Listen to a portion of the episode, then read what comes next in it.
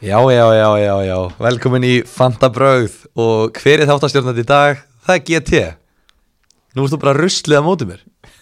Varafili Já, þáttarins, blessaður sætla blessaður Þú vil að maður meil kongur hérna meginn við borðið Já, betri yfirsýn Já, ég, ég er þetta ekki með útsýnin lengur, þú ert með fjallasýnina Já, En hérna, já, já, þetta er, nú, ég er farin að opna the tables have turned Heldur betur, ég hérna, nei, nei, þetta er nú bara svo ég geti haft síma minni hlæslu á meðan En, en hérna, fín afsökun til að byrja með Já, já Herðu, uh, við ætlum að byrja að tala um mennska boltan Já, Það er okkar okkar uh, helsta víi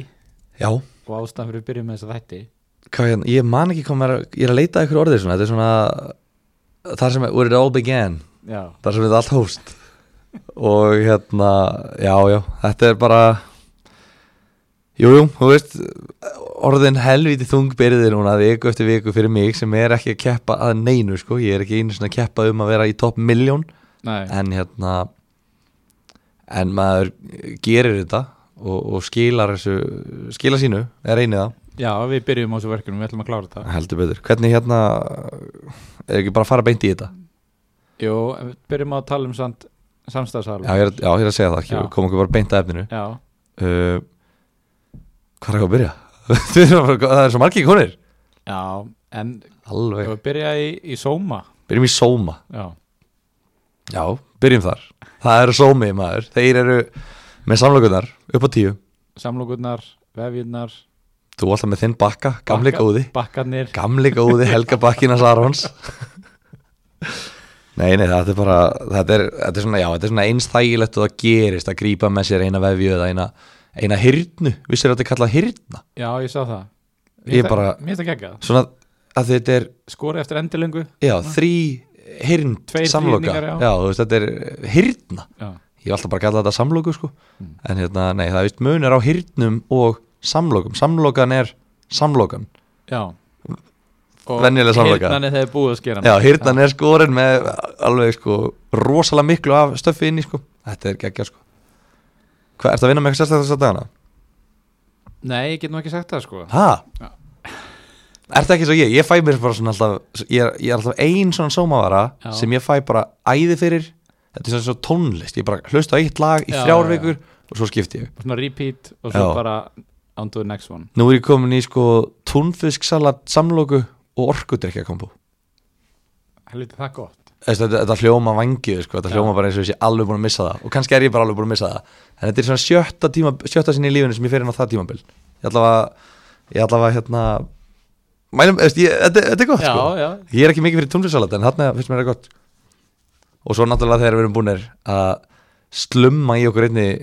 einni hérna, samlóku mm. hvað fyrir við þá að gera Aron?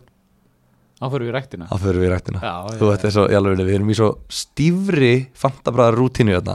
til þess að við komum eins ferskir Mm. svona uh, he- heilbrigðir á líkamásál inn í þættina, alltaf ferskir gengur illa, alltaf ferskir Já. nýbúnir að þjálfa þrýhöðan í þrýhöðatækinu í kringlunni alveg sko Það þarf að refsa þessu Gerir sig ekki sjálft og hvað er betra að refsa vöðunum sínum heldur en í World Class, það sem að þú getur valið hvað ætla þetta að séu svona ætla þetta að séu yfir 300 tæki sem þau eru með Ég held það þetta er ekkert eðlilega mikið úrval af æfingartökjum Geðveit sko Og ný stöð á leiðinni í kringlunni Já Sem Afi er bara bara- ekkert eðlilega mikið pep sko En ef við Svo getum er eitthvað að opna líka í háskólanum Voru búin að nefna það? Að Það er í vísindagorðunum Ég veit ekki hvað er sko, þú náttúrulega Já. vinnur þarna, þannig að þú talar um eitthvað vísið það garðana þú veist, ég veit, ekki- þú veist, ég veit ekki neitt sko Ég er bara, er þetta, hjá, há- er þetta nálægt háskólanum eða ekki? Já, þetta er á háskólusvæðinu Get ég farið í háskólan, Já. ég er að fara í háskólanum í haust Ég var bara að segja það ekki Nei, Ég er að fara í háskólanum í haust, ok, í hvað? í viðskiptafræði, til Það var því rétt, það var rétt uh, Mögulega Já, uh, en hérna ef ég fer, get ég hjólað ramasjólunum mínu í háskólan lært og labbað í ræktina, já, 100% að það grínast Nei. þannig að HÍ er búið að taka yfir það eina sem HR hafði framöður sem var að það var world class hana Já, oh my god, wow maður ég er að bróta niður þetta sko, ég er að fara að gráta það verður ekki, ó, við hefum þurft að taka þetta fyrir hérna, áður en við fórum í löfti shit, ok, já, fókus en að fótboltanum að fótboltanum maður Hérna, sko, það er mjög erfitt fyrir okkur þessa dagana að finna tíma á milli umferða í fantasy til að koma hérna já, að það er eiginlega bara alltaf umferð í gangi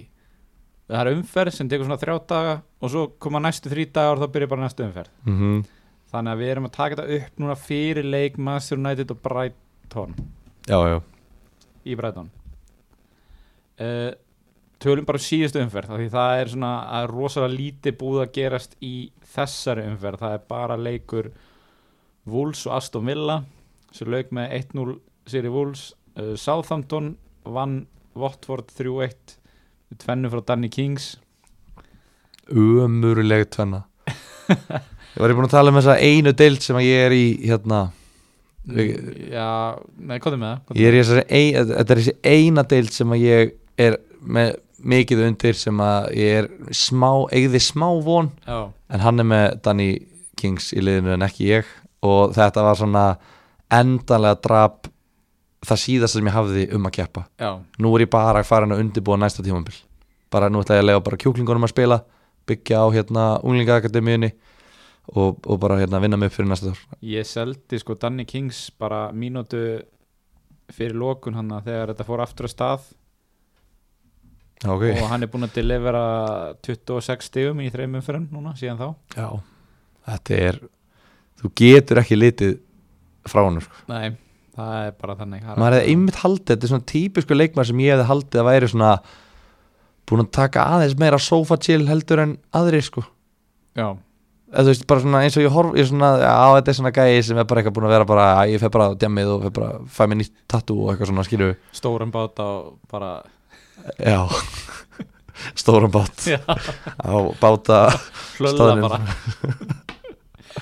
Heri, og svo í gær þá unnu Borleik Kristal Pallas 1-0 það sem að fantasi samfélagið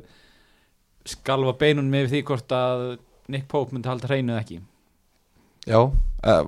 hvað mennur það er eiginlega, ég- þú veist, bara svona Twitter hjá mér, það var annar hver póstur var bara eitthvað, einhverjir enskir fantasínördar að fara á límingunum við því hvort að Pope myndi halda hreinu eða ekki já, var það eitthvað var, var það eitthvað, Nei, ég- eitthvað spurninga Mér fannst það svo sem ekki, sko hann er bara búin að vera bara, Hann er búin að skella í lás hann er bara búin að loka fyrir búrið Já, og þetta var bara svo þú veist, er þið, hún er 2-1-0 sigur æröð núna, er það ekki? Gott ef ekki Eru þið búin með Það skiptir ekki máli kannski hvað eru búin með marga leiki síðan við byrjuðum aftur En þú veist, þetta var bara svo mikið eftir bókinni Já, þetta er Já. 5-0 þarna fyrir City sem er þetta eftir bókinni mm. Svo bara landa þeir þessu 1-0 sigurum, bara þægilega Já, já En við ætlum að kannski að tala um síðustu umferð Já, já Hvernig gekk þar? um, Ég nú með þetta hérna, þú varst með 69 stig Já Þú veist, Þetta er bara eins og þetta er sko Það er ekkert Þú hérna, ég held við höfum nú ekki náði inn í þáttin síðast en þú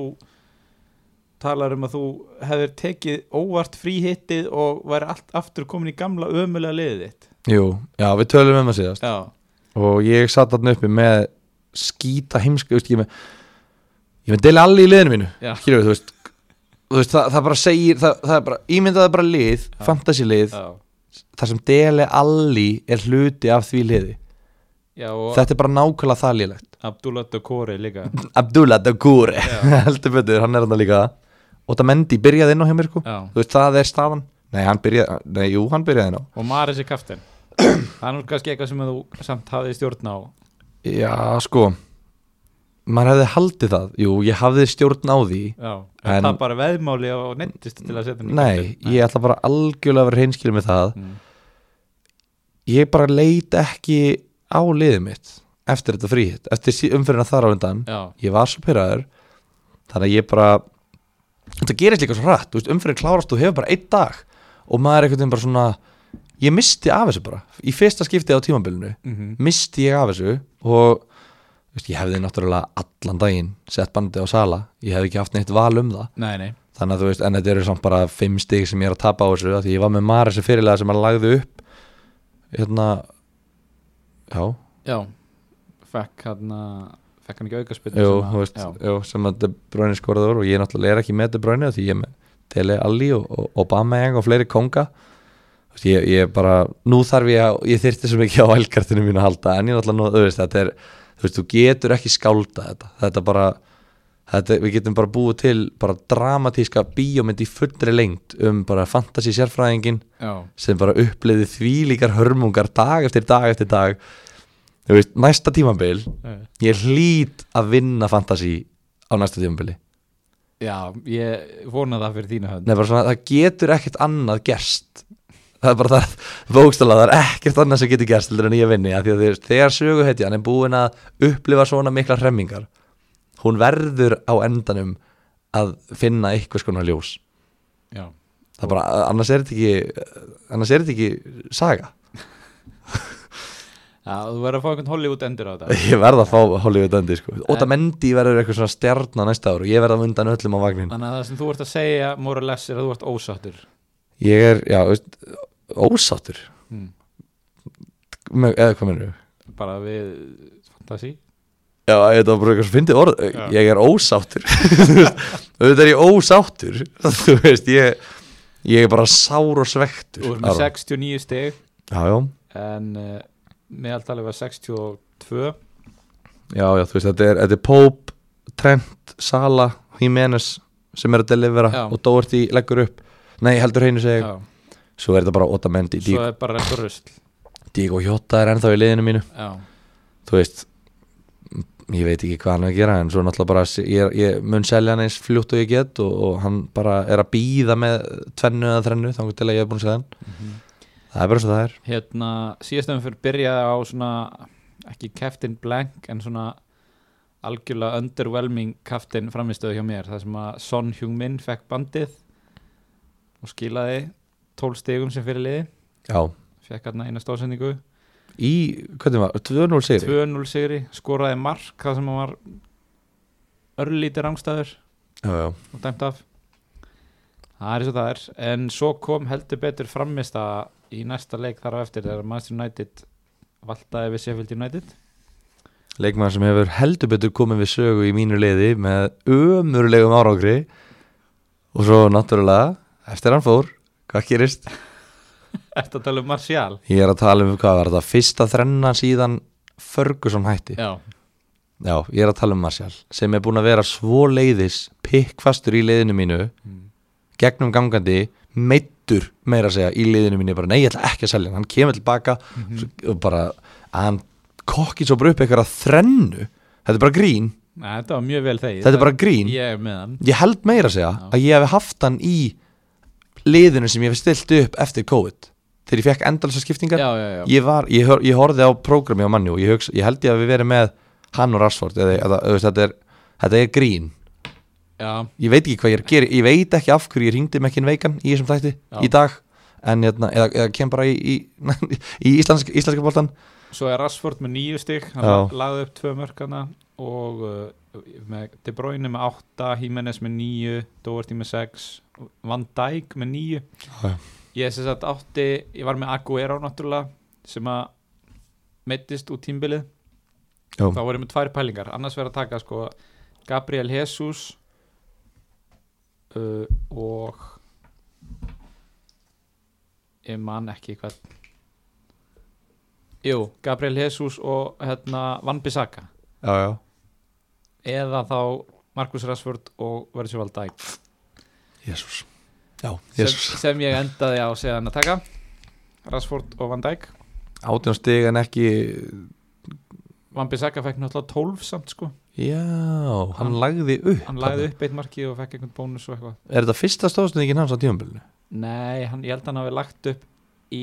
sigri á múti Chelsea líka hvort að Martial skoraði það ekki líka Jésús já, ok en bara, ég meina samt góð ákvörun Já, 82 stig í umferðinni Mér finnst það bara, ég er bara nokkuð ánæður og, og satt að segja bara eftir eftir COVID hefur þetta bara verið anskoti gott Já, eða þú kemur sterkur undan vetri 98 stig í umferðinni þar á undan og 82 og svo Þú bara ert komin í hvað? 500k? Já, ég er svona að daðra við topp hálfu miljónuna Já, já, þetta er bara alltaf flegi ferð, fljúandi ferð Allt að gerast Já, já, já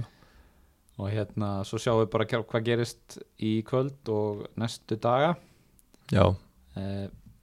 Það er náttúrulega ég er með þrjá fram á við í Master United, Bruno, Martial og Rashford já, Þannig að ef að þeir setja upp sýningu þá getur allt gerst þetta var náttúrulega hrikalega svekkjandi blank hjá Fernandes út af því að þetta var hvað fyrst, ah, ok, fyrir utan fyrsta leikin já, svo var hann bara búin að vera að deliver endalust og í Já. 3-0 heima sér á Sheffield Já. Mhm. sérstaklega ef maður var að horfa á leikinn þú reynda með Martial og Rashford þú veist, þú ge- ég Manchester gat United ekkit verið eitthvað svektur yfir Nei, þessu sko. mannjú getur eiginlega ekki skora marka á hann þess að þú fáið stig fyrir það Einmitt. þannig að hérna, bara flott þú veist, þeir, þeir, eru, þeir líta hluti vel út mjög þeir eru að spila bara frekar skemmtilegan fótbolta og bara, þetta er bara orðið bara, bara gott lið já, einmitt, og Pogba allt í einu vakna til lífsins já, já, Svona. og náttúrulega prógrami sem þeir eiga er bara eitthvað grín það er Brighton, Bournemouth, Aston Villa Southampton, Krista Pallas, Vestham en mér veist fallegt hvað ég hef ekki orðið mikið var við það í- ef maður skoðar þetta í fantasy á fantasy síðunni já, sömur eru með svona, veistu hvað það mynda season tickers þar sem að þú getur ve- farið inn á svona nördasíður og séð þar sem að það eru önnur forrið búin að áætla erfiðleika stíð já, fyrir já, þig já, þannig að en fantasy hefur alltaf verið að segja bara já heimalegur á móti Arsenal, það er fárónlega erfiðu leikur já, já, já. svo er hann, ekki, er, er, hann er ekki erfiðari heldur en heimalegur á móti Wolves yfirleitt skilur ekki í Me- dag með fullri virðingu já,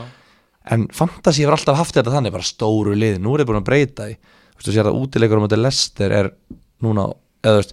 ka- Lester er kannski Já. ekki gott að mig en þeir eru búin að, þetta er orðið raunverulega þeir, þeir uppfara þetta jafnvel. já, og það er bara eitthvað svo fallegt við að horfa á leikaprógrami inn á fantasy official síðunni og sjá ekkert raukt já, bara grænt og smá grátt já, þannig að þetta er uh, upp á það að gera mann finnst þessu prógrami að manni og sé ennþá betra en það kannski mögulega er það Eh, er frábært prógram samt já hvernig ertu með sem kaftin í þessari umferð uh, Kaftin í þessari umferð er Antoni Marcial ég tók hann inn að brjálaður, Fyrir- seldi allir fýblið já, verðskuldað Pope og Doherty eru bara búin að loka ég vil bara, ég verði til í að vera bara með þá já, það er bara ógislega þægilegt að hafa þá bara og fá bara 15 stegi fyrir það báða alltaf uh, þú veist, ég er ennþá fastur með Dukure og Jota og þú veist, ég vil ekki vera með Maris en þú veist, hann er það mhm, og eitthvað svona en þú veist, City og Liverpool eru náttúrulega að mætast mér fannst bara ekki, ég menna þú veist City er ekki að fara að tapa þessum leik 3-0 já, þú veist, Sala gæti alveg skorað eitt mark í þessum leik en ég bara veit ekkert hvað er að fara að gerast Aubameyang heima á móti Norvits þú færði eiginlega ekki betra tækifæri til að skora heldur en heima á móti Norvits mhm, en hann er bara hann lítur bara út eins og bjáni þú veist, inn á vellinu þess að dag bara, þú veist, og, og bara það stuðar mig ekkert eðlilega mikið þegar að Gaur getur ekki skorað og það er verið að tala um eitthvað svona samninga við erum með sér óvissur um Já, já, framtíðina já. að ég fer að hugsa bara, heyrðu, þú veist ertu að grí- hann er að reyna þetta og ég held í alvörunni að menn séu að reyna þetta ég veit ekkert hvað þetta er en já ég held að menn séu bara svona mér er alveg sama með hennar klub ég er bara, ég er farin hann skaut nú í slána hana í síðasta leik mútið Southampton sem var eins tæft og að verður sko Já, það bara var samt oftæst því að ég fekk ekki steg fyrir þetta sláaskot nei, Þannig að ég set bandið að mann sem að skorar í þrennu og er að spila sem nýja í mannjú og hann hefur haft helviti mikið tröst frá mér í, gegn- í, á tímabilinu mhm, og bara nú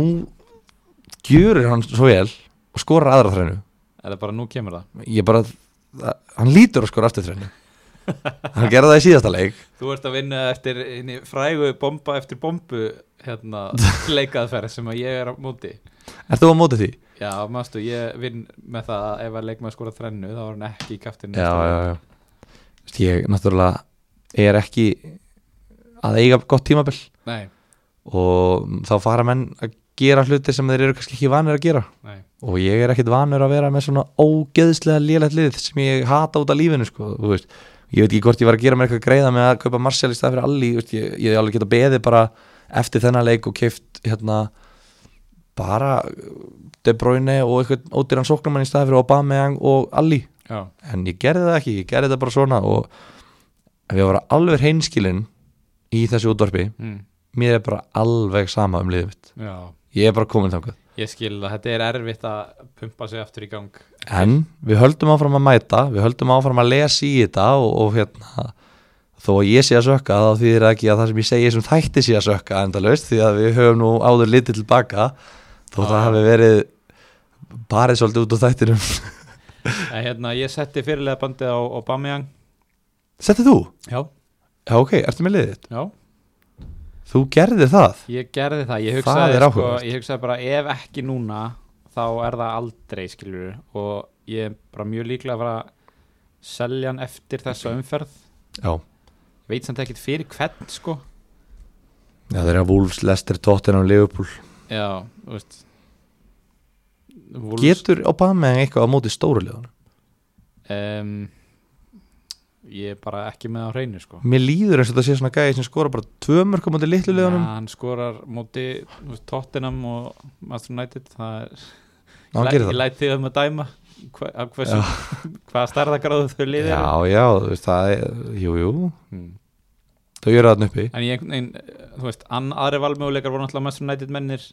en verandi með á þrjá þá fannst mér svo erfitt að velja á milli já, já. en hérna, En De Bruyne heima sem er búin að vera sjóðandi ekki mútið Liverpool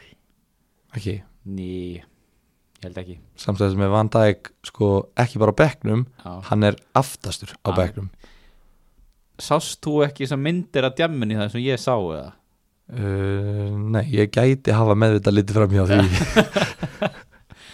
Ég, sko, ég verð mjög hissa ef að City er ekki bara að rúla þessu nokkuð þægilega upp samt er þetta ekki með bandið á hættulegasta leikmanni sitt í sem er búin að vera að skora eins og óður maður já, Já. E, e, sko, við erum að tala um Aubameyang heima mútið Norvits sem er ekki búin að skora eftir COVID eða nokkuð Nei, örugglega ekki og það nú, En ég meina nú kemur það já, já, þú ert með þáttaktík Já, já, já, já, já. já, alveg rétt, alveg rétt Stípla verður að bresta einhvern tímann sko Eh, hérna, mér langar að sjá þig sem sko þjálfara í Pepsi-dildinni Já. veistu, eitthvað á góðan leik bara já, herru, ég kippi honum út af hann er bara hérna, svo þessi er búin að vera umurlegur á æfingum þannig að hann Já. hlýtur að fá þú væri að gera alltaf brjála það Er ekki við ekki að vinna með formi á leikmunum nei, nei, nei, hérna, En eh, það voru margir sem að freistu til þess að setja fyrirleðbandið á Ráli Mennes já um helgina Enda er hann búin að vera líka heitur Já, hann er náttúrulega búin að fá bara skora eitt og fá bónus bara nánast í hverjum einasta leik Þannig að það, ma maður svona skilur þessu ákvörun en ég svona ákvaða taka ekki sinnsinn á því og er ánægð með það þess að já, samir náttúrulega gerði ekki neitt þó er var að spila mútið Aston Villa en uh, veist, er eitthvað meira fyrir okkur að ræðum í byli ég held ekki svona inn í miðri umferð veitum ekki alveg hvað gerist uh, kannski helst að nefna bara í næstu umferð að maður mæti, mæti Bournemouth þannig að við getum verið að horfa upp á veislu þar já, já. Chelsea Eh, Watford Chelsea, Watford Þarna er Marcus Alonso að fara að fá Líklega 15, mögulega 12 stig Liverpool mútið Aston Villa svona besta liða mútið liðlegasta kannski Allt þetta sé ekki svona Jú, 12, 12 til 15 stig líka þarna hjá Sala já Og Trent, Segðu er það ekki? Jú Þetta er sann sko Og nú er, nú er ég kannski að taka svolítið fram fyrir hendurna þínar mm. En þú lítur að vera heima hjá þér bara Mjög gladur með að horfa á leikjadagskrána Því þetta er farið að svona aðeins taka á sig skýraðumynd Já, þú veist, þetta eru bara svona þetta eru eiginlega allir leikirnir hann að lauga þetta sunnudag Þú veist, Já. þetta er ekki það er mjög næst tveir leikir á dag og þú veist, þetta er allavega aðeins meira dúaból fyrir okkur Já. sem erum að fjalla um þetta Já, heldur hann að deila umfyrir niður á fimm daga og eitt leikur á dag og eitthvað já, Já, en reyndar er þetta samt, þú veist á milli umferða, já, já þetta er aldrei meira en tveir dagar fyrir Ég segi, okkur Ég meina, þú veist Það munur örugglega aldrei vera góðu tími fyrir okkur til að koma hérna eitthvað á milli umferða sko þetta er basically það er basically vonlaust að hlusta á þetta og, og ætla að fá tips fyrir næstu umferð, Já. Mm. bara alveg beint sko eins og menn hafa örugglega verið að gera hvernig á ég að selja næst Já, En þetta er svona bara svona til þess að fljóta til þess að halda manni svona við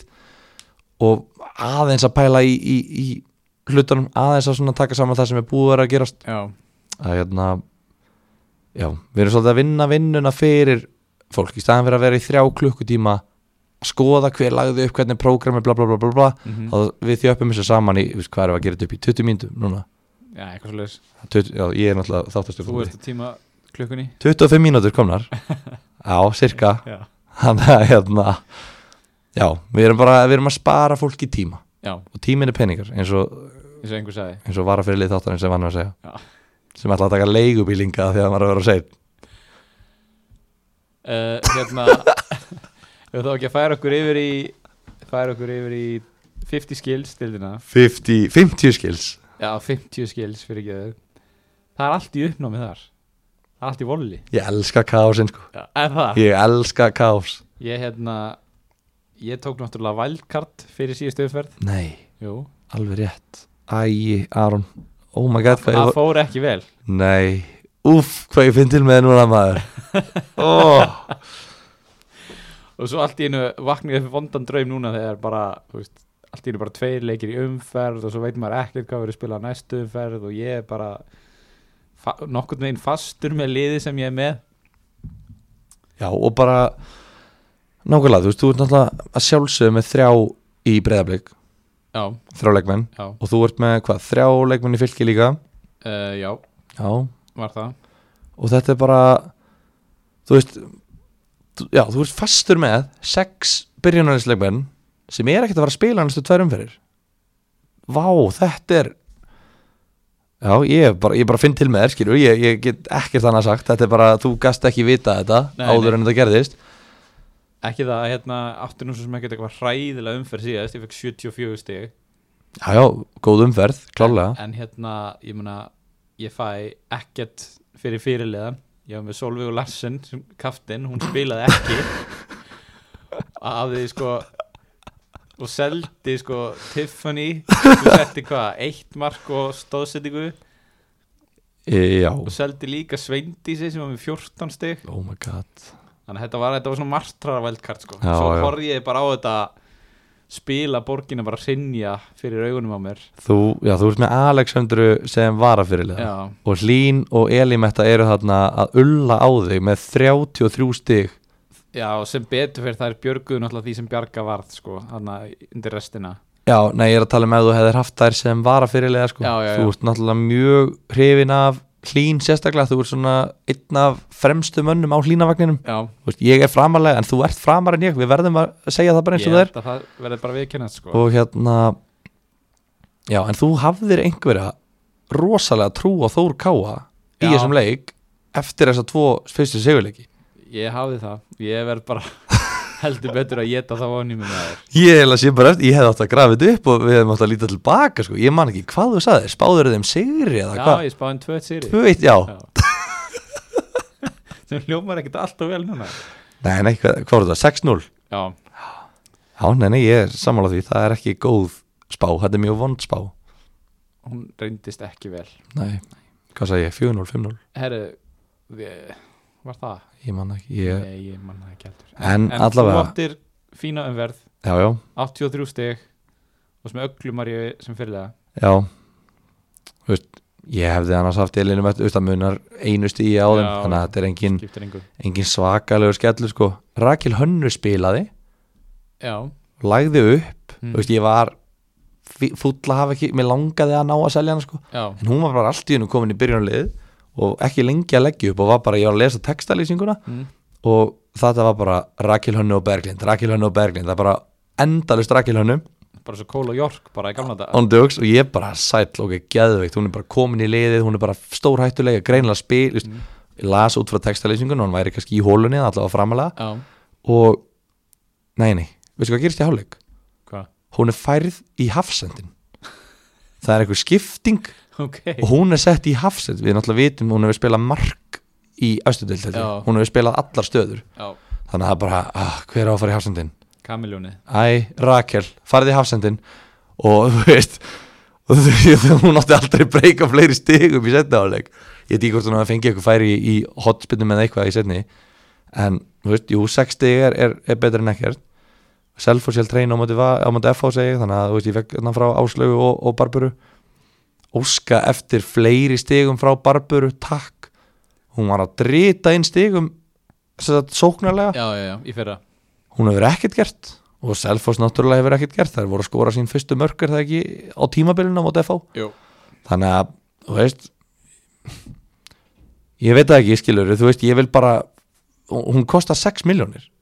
ég vil bara fá meira, þú veist, þær, þær eru búin að halda einu sinni reynu, hún, hún verður að delivera á báðum endum annars væri ég með uh, 6 miljóna varnamann í breyðablik sem hefur fengið á sig 0 mörg í þremulegjum eða val sem hefur fengið á sig 1 mark í þremulegjum mm -hmm. þannig að bara, Köllum eftir stóðsendingum ég kallar þetta stóðsendingum Hvað hérna, hvernig ertu með, með þetta núna í umferðin sem að er farin af stað? uh, ef að erum við komin í það strax? Ekki, Ég, það, er, nei, nei, það er meira sko Já, ok. það er meira, Ok. ég, við erum bara rétt að byrja sko hvað varum við búin með, erum við ekki með leikina hérna Valið Þór Káa, Breiðablik vinnu K.R. náttúrulega 5-0 eða hvað? já ég held ég hefði sagt 5-0 þarna Já, Káeringar vákvaður byrjuð dilla ekkert smá þú veist ég vissi að þeir væri ekki með nógu gott lið en ég held þær gætu veitt liðum aðeins meiri mótspinnu Já, þeim var nú spáð svona í svona fjórða og fymta sæti sko já það voru einhverjir sem, Solid fyrir ofan botnin, það voru einhverjir sem held í alvörunni að þetta lið væri að fara að challengea þar toppliðin Nei, þau er svona, þú veist, Já, já, já, þetta er að mínum að mér finnst þetta að vera þrískipti held, sko. já, þú veist, mér finnst fylgjur og selfos, þau eru ég veit ekki, mér- ég er mjög spenntur að sjá til dæmis fylgisliða móti val og, og breyðarblik selfisingar voru ekki, minn, ekkit, ekkit lagari aðilin á þetta blikum eftir því sem ég hef heyrt mhm, þannig að þú veist, að þau, en, en, en það vantar samt kannski aðeins upp á mhm þú veist, sjáum bara fylki það er, það er komast 2-1 yfir á móti þrótti en missa það síðan þú veist, komast 2-1 yfir í uppbótatíma missa það síðan í uppbótatíma í 2-2 að menna Valur kemst 2-1 yfir og bara, eða er 2-1 yfir og bara ná að loka því, þú veist, það er kannski þessi munur á liðunum en bara káar stelpunar, vá þú veist, ég á ekki eitt aukatekið orð og ég er búin að vera að býða eftir að káar klári þetta prógram svo ég geti keift Katrín Áspjörs mhm, sem að ég ætlaði að gera núna Já, fyrir heimaleika á móti FH mhm, en bara ég þú veist, hún kostar 7,5 eða ekki það er 7 Nei, ég held hún kostar 7 miljonir ég held að sé sjö og ég er búin að vera að tala um hérna já já þú veist hún þarf ekkert að skora sitt fyrsta mark við vitum hvað hún getur, við vitum að Káur er með bara góða sóknarleikminn og eitthvað svona en ég er gjörsamlega búin að skipta um skoðun og núna gjörsamlega þarf hún að skora eitt jafnvel tvö mörg áður en ég fyrir að skoða þetta sko. held ég ég held ég sé ekki eitthvað overreakta hérna fyrir fram á mikrofónu Nei. en ég held mér finnist þetta í alvörunni Já, að bara, bara K.R. liði þarf að sína eitthvað áður en að þú ferð að pæli eitthvað Já. já. bara eitthvað annað en að tapa 5-0 á móti breyðablík mhm. FH gæti tapað 3-0 á móti þeim já, og sko fengi á sig 2 og 90 veistu. Þú veist, það var eitt, það var eitt Já, úr alltaf leik og reyndar 50 færi skilur við, sko. Já, þeir já. hefðar að geta tapað 13-0 Já, en bara að ég, ég ég veit það ekki, þú veist, kannski er þetta bara fjölmjölum að kenna eða eitthvað, ég veit það ekki, mér veist bara svo pirrandi að lesa umfjöllun, uppbytun fyrir mót þar sem eitthvað lið á að vera bara, bara búin að styrkja sig og þetta er bara útrúlega spennandi lið og svo Mhm. geta þær ekkert mér finnst það svo leiðilegt já, að ég veit það ekki, ég veit ekki alveg Hvað- hvert ég er að fara með þetta er þetta of margir nýja leikmenn? þú veist ég veit ekki, ég, ég er alveg opinn fyrir því að í setni umfyrinni verða þær búin að drilla sér saman, ég meina gerðu þær það ekki í fyrra, það var að hitt í fyrra eða eitthvað sem mér fannst það bara ekki geta neitt svo allt í hennu varð bara Katrín Ómars bara besti leikmaður tímabilsins og þær bara fóru að vinna stærri lið og eitthvað, Já, bara smaklið unnu þær ég man ekki hvernig það Ég man ekki hvernig það fór en, en allavega, þú veist já, bara, þurfum ekki eða meiri tími í þetta af því að ég held að sé engin með káeringi í fantasiliðinu sínu Nei, Blikar ekki búin að þær- Þær komnar í sótt kví líka já, þannig að- þannig að þú veist maður er ekkert að horfa á þær blikar ekki með hérna ekki búin að fá sér eitt mark bara þú veist Hafrún hún er ekki ennþá búin að hækka Nei. 5 miljónir og hún mun ekkert hækka núna á meðan að hún er ekki að keppa og meðan að breyðarblik er ekki að keppa Já, já, eignarhaldi komið upp í 20% held ég var að kíkja á dagann það var í hvað 3 eða eitthvað 1 eða 3% þegar við vorum að byrja en á meðan hún er ekki búin að hækka þá náttúrulega um leið og og hérna um leið og þær byrja að keppa aftur mhm þá verða menn að stökkva á þetta sko. Já. bara áður en að hún fer að hækka upp í 5,1 eða 2 þetta er svo leiðilegt sko. mhm. mm. eða Magna hún sé ekki búin að hækka Já, en, en Sammála. hérna drífa sig í því en hvað hérna, hvað á maður að gera núna þegar að þetta er allt í rugli og þú veist, breyðablík er ekki að spila K er ekki að spila og fylgir í sótkví og þú veist, þetta er ógeðslega erfitt og ég til dæmis er búin að vera að hugsa þetta með að, að ef maður er að hugsa hvernig getur fengið flest stig mm þá er maður með þrjári val, mm, þrjári breyðarbleik tvær í fylki tvær til þrjár í fylki og tvær til þrjár í Selfossi já, og það er basically engin leikmaður í hinum sex liðunum sem ég vil hafa frekar en einhvern leikmann í hinum fjórum, í þessum fjórum nei en- Hvaða en þú leikmaður- veist Karen Marja, Jú, jú, ok Jú, jú, jú gefum Karinum já, Hún er eini leikmaðurinn Mm. sem ég myndi vilja hafa og það væri, þú veist, bara alltaf spara pening skilur. Ég vil náttúrulega augljóslega hafa frekar Berglindi, Sveindísi og Elinu veitu, en einhvers stað þarf það að hafa ódýra leikmenn já og jú, jú, e, hérna Karin Marja mhm, en, en ég mér langar svo mikið að vera ekki með öll ekki mín í sömu körfu og ég er ekki að segja að ég hafi verið meðvitað að hugsa eitthvað, já kannski fær leikmaður breyðabliks kórónuveiruna og, Já, já, já. og eitthvað svona en þetta er bara svona þetta sýnir manni bara ég veit ekki, við þurfum að vera núna meðvitaður um að þetta getur komið fyrir aftur setna á tímabölinu, emitt þannig að þá er kannski fínt að hugsa, já ok, ég ætla ekki kannski að vera með þrjá leikmenn í mörgum liðum nei, þú veist, Já. jú breyðablík val og svo kannski reyni að vera með bara einn eða tvö í Selfoss, einn eða tvö í fylki ef ég mögulega getur rétt þetta mhm, en svo þarf maður að finna góðu kaupin í hinum liðanum og það er bara ekkert mikið um þau fyrir miður, ekki eins og er nei, það var verið svona erfitt að spotta það allavega ég meina þú sérð alveg í Norvits þá er þetta bara er, ok, þú veist það er þarna einn leikmaður sem er að skora mörk og hann heitir Timo Pukki já, og svo er þarna einn ógislega ódýr sem er stundum að gera eitthvað, hann heitir Todd Cantwell og það er engin annar í Norvits sem er að gera neitt ég vil að þróttur sér þannig já, já og veist, ég vil bara að hérna, Stefani hérna, Ribeiro mm. og ég veit ekki, bara jú, tökum að það bakurinn hvað heitir hún, Mari Alice vinstri bakurinn Mari þetta var hvað til lengi maður hún heitir allavega Mari, Já. hvað heitir hann bara Mari já, þær tvær mættu bara skora öll mörkin fyrir þrótt skilur við hverju meina já, já Þú veist. að hafa þetta svona koncentrera þú Já. veist, að deilist, stíin deilist að fá leikmenn já, ég nenn ekkert að vera að sjá hérna uh, að Marja Sól sé að skora tvö mörk fyrir stjörnuna og Sjámika sé að skora tvö mörk og Jasmin sé að skora eitt mark og Betsy sé Og að svo í skora eitt næsta mark og leik snýst þetta allt við svo skora og- Hildigunar á morgun og Anita, þú veist, það bara, nei nei þú veist, Já. látum bara eitt leikmann skora þessi mörk af því við þurfum þennan leikmann í já, fantasílið okkar. já, köllum eftir svona Hilmars átna típa já, já, í þú veist liðunum. getur hann ekki rölt yfir í kvennaklefanum bara kent einhverju leikmanni að vera yfirbúra leikmaður en hérna, nei þú veist þetta er svona það sem ég er að menna þannig að ég, ég kem ágætlega undan þessu já, ég er með sko, ég held ég sem er nýju leikmenn spilandi í þessar umferð það, bara hvernig það er ótrúlegt hvernig, en ég ætla að taka eitt punkt sem við, ég ger upp hinna umferðina já sem, sem er lág mér á, er, er, er þú ekkert að bæla neinu? er ekkert sem leggur þér á hjarta eftir þetta? Nýja, þú veist, bara það var náttúrulega bara leðileg umferð og mótið er náttúrulega bara í uppnámi mér líður eins og bara það er erfitt að horfa fram í tíman þú veist, það er erfitt að fara að gera einhverja breytingar ég er búið með valdkartið mitt sem er mjög erfitt núna með við stöðuna uh, ég seldi samt þú veist, ég var náttúrulega að reyna að taka inn einhverja leikmenn sem voru að spila en ég seldi samt Karolínu leiðu Já, já. mér finnst svo svona skrítið að kalla það tilraun en það er einhvern veginn alveg búið þú veist, hún er búin að spila núna þrjá leiki sem þær eru búin að vinna alla og hvað náði hún að leggja upp eitt mark í þessum þrejum leikjum held það Hún, hún fekk stóðsendingu sem var svo tekin af henni margtu ég held hún Já. sé ekki búin að gera neitt sko. Nei, jafnvel ekki sko. ég held hún sé ekki búin að fá eitt sóknar stig á mótinu en, en sorry ef hún er komið með eina stóðsendingu það er allavega ekki meira en það Nei, þannig að hérna ég svona horfi fram í það þegar breyðablík byrjar aftur að spila bara, þú veist, sem er svo glata að gera að breyta bara tilbaka, taka bara svindis aftur inn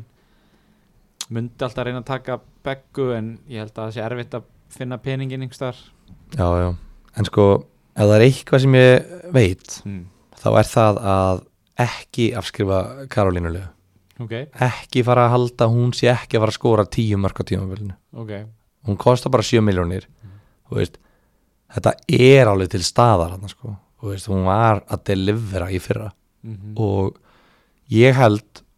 nú er Hildur Antons með sliti krossband Já, sem er hræðilegt fyrir hana og bara samryggist og bara vonandi bara, bara ósk, óskinni góðs og, og eins fljót spata og mögulegt er en ef við erum bara brútali hreinskilinir mm. þá er þetta eiginlega það besta sem gætt gæst fyrir okkur sem fantasíspilara að horfa á breyðablík út af já, því já, að við erum búin að vera að tala um hvort er Karolína Lea eða Sveindís að vera að byrja, hvað ætla þau að gera bla bla bla, mhm. út af því að, að sko, fyrir utan fjögur manna vörn þá erum við með, hvað er margir eftir? sex leikmenn, já, þú veist, já fimm le útileikmenn, þannig að markmaður en svo fjórir í vörð já og það voru sex leikmenn eftir þetta ekki, Tveir, þrýr miðjumenn, tveir kampmenn og sóknumæður við erum búin að vera að tala um Hildur Antons, Rakel Hönnu og Alexandra eru miðjumenn í breyðablík já, Berglindi fremst, mhm, Agla Marja er leikilmaður á kantinum vinstri kantinum og hinn kanturinn er þá væntalega Karolína Lea og Sveindís að berjast um plásið. já, já, Við höfum talað um mögulega að fara þær í 4-4-2 með Sveindís og Beggu fremsta mhm, og þá erum við með Alexander Rakel og Hildi á miðjunni og hver allar að þú veist hvern allar að taka út þannig að við erum Þú með ert ekki sjö, fjó- Þú ert ekki fjóri, fjóri, tvei með þrjá á miðinni nei ég er að tala um að þá þarfst að taka einn út, þá Já. þarfst annarkvist að taka, setja Hildi á bekkin eða Rakel á bekkin eða Alexander á bekkin Já, og ef ég er með Alexander á bekkin og hann er á, á, í liðinu mínu og hann er að spila 4-4-2 Mm. þá vil ég ekki hafa Alexander í liðinu mínu út af því að hva, kannski er hann á bekknum á morgun út af því að já, já, já. hann væntalega vil spila þessum öllum að, að, ég, ég er að tala um, fram á við erum við með sjö afburða leikmenn Mhm. að, spe- að berjast um sex stöður núna erum við bara með sex afburða leikmenn að berjast um sex stöður Mhm. og ég held að núna vitum við bara þetta er 11 manna byrjunarlega breyðaflegs svo kemur áslög munda inn fyrir Hildi Þóru já, í bakverðin og þá er þetta bara komið læst, það er engin að pæla neitt í neinu, það vita allir sitt hlutverk, þessar 11 eru byrjunarlegsmenn og allar hinar eru ekki byrjunarlegsmenn skilur hvað ég menna? Heldur þá Karolín Lea sé að fara að spila í hólunni og Rakel Hönnu og Alexandra á miðinni Eða bara 4-4-2 og nei, ég held að Karolín alveg að sé kantmaður örugglega. okay. eða kannski getur hún spilað í hólunni ég, Sveindis er búin að spila hæri kant núna allavega í þeim tveim lengjum sem ég hef séð Já, þú veist, ég menna þá getur bara Karolín alveg hvað er hún búin að vera að spila? Í hólunni? í hólunni Já, þá bara er hún í hólunni og, og Rakel og Alexandra þá væntalega hans aftar eða bara, ég veit ekki Mhm. já, já, svo er geta róterað alveg endalaust Já, en allavega þetta er ótrúlega þægilegt fyrir mig nú, ég vil núna kaupa Karolínulegu út af því núna hugsa ég uff, ok, nú, núna veit ég að hún er með 70 mínútur garanteraðar alltaf mm. en áður en þetta gerðist þá hugsaði ég hana svolítið eins og Ástísi Karinni og Ídumarinn já, já, já, Ídamarinn eða ekki, jú, já, já. þær tvær eru akkurat þessi að berjast um þessa einu afgangsstöðu sem að Hlín og Elimetta og Fandís eru, þú veist, þær eru læstar já. og svo er þessi auka staða sem að Ástískarinn, Ídamarinn Dilja og Ír er reyndar búin að vera komin í þetta líka, já öflug, já, búin að leggja upp tvö mörki tveimleikjum eða ekki, held að þannig að hérna, þú veist, það, maður vill ekki, þú veist ég vil ekki vera með Ástískarinn í liðinu mínu, Nei, og hún byrja á bekknum í bara, síðast já, bara því hún er svona ekki örugur starter og líka bara þú veist, tekur eitt valspláss í liðinu þínu. já, Já. já, í rauninni, af því ég, ég vil þú veist, ég vil, ef, ef að þjálfarinn fær bara, hér er leikmannahópurðinn veldu 11 bestu leikmennina eina sem þú vilt spila ég vil bara vera með þessa leikmenn í liðinu mínu, ég vil ekki vera með einhvern, já, þú veist, einhvern Maris Já, það er svo já. leiðilegt að vera, það er svo erfitt Já. að vera með Maris í sem liðinu er sínu. svona 12-13 maður inn já, Já. getur alveg byrjað einhverja leiki já, já, en svona, ef þjálfarinn fær, ef, hann er, ef, að- ef að þjálfarinn er að fara með þetta leið í úrslitaleg mistaradeldarinnar þá er þessi ekki að vera að byrja Nei. en hún byrja kannski einhverja leiki á móti Þór Káa á IPVF eða eitthvað svona þannig að blikaleiðir er orðið mjög þægilegt að mínum að já, og nú þarftu bara að velja valjúið 7 miljón krona leikmar í hólunni á breyðablík þetta ætti að vera geðbilað valjú frekar en 9 miljón krona hægri kantmaður sem er skráður sem sóknamaður Mhm. Karolínalega fær stig fyrir að halda hreinu sem að Sveindis fær ekki á endanum snýst þetta samt bara um stíin og Sveindi sem er að delivera stigum og ekki Karlina já, hún er búin að vera því já, já, algjörlega, ég er bara að segja ekki afskrifa Karolínulegu því að Ok. hún getur auðveldlega farið að taka þessi stig af Sveindisi já. og öðrum eða bara bæta þeim við, Við- og það er bara að fara að vinna 8 veitum við eitthvað hvernig liðin byrja að spila aftur þetta eru tvei leikir eða ekki sem voru frestaðir já, þannig að það er þriðja og fjóraða umferðin er ekki 14. júli sem að nei, er það 7. júli já, fylgisleikurinn er frestaður er ekki fjórða og fymta umferð jú, fjórða og fymta umferð sem er frestað, já, já, já, já. fjóruð og fynda frestað Já, þannig að þær Það byrja að spila 14, 14. júlí. já, 14. júli er það að spila næst held ég, ok, þannig að það er bara fínt, þar sjáum við að 15. júli er valur fylgir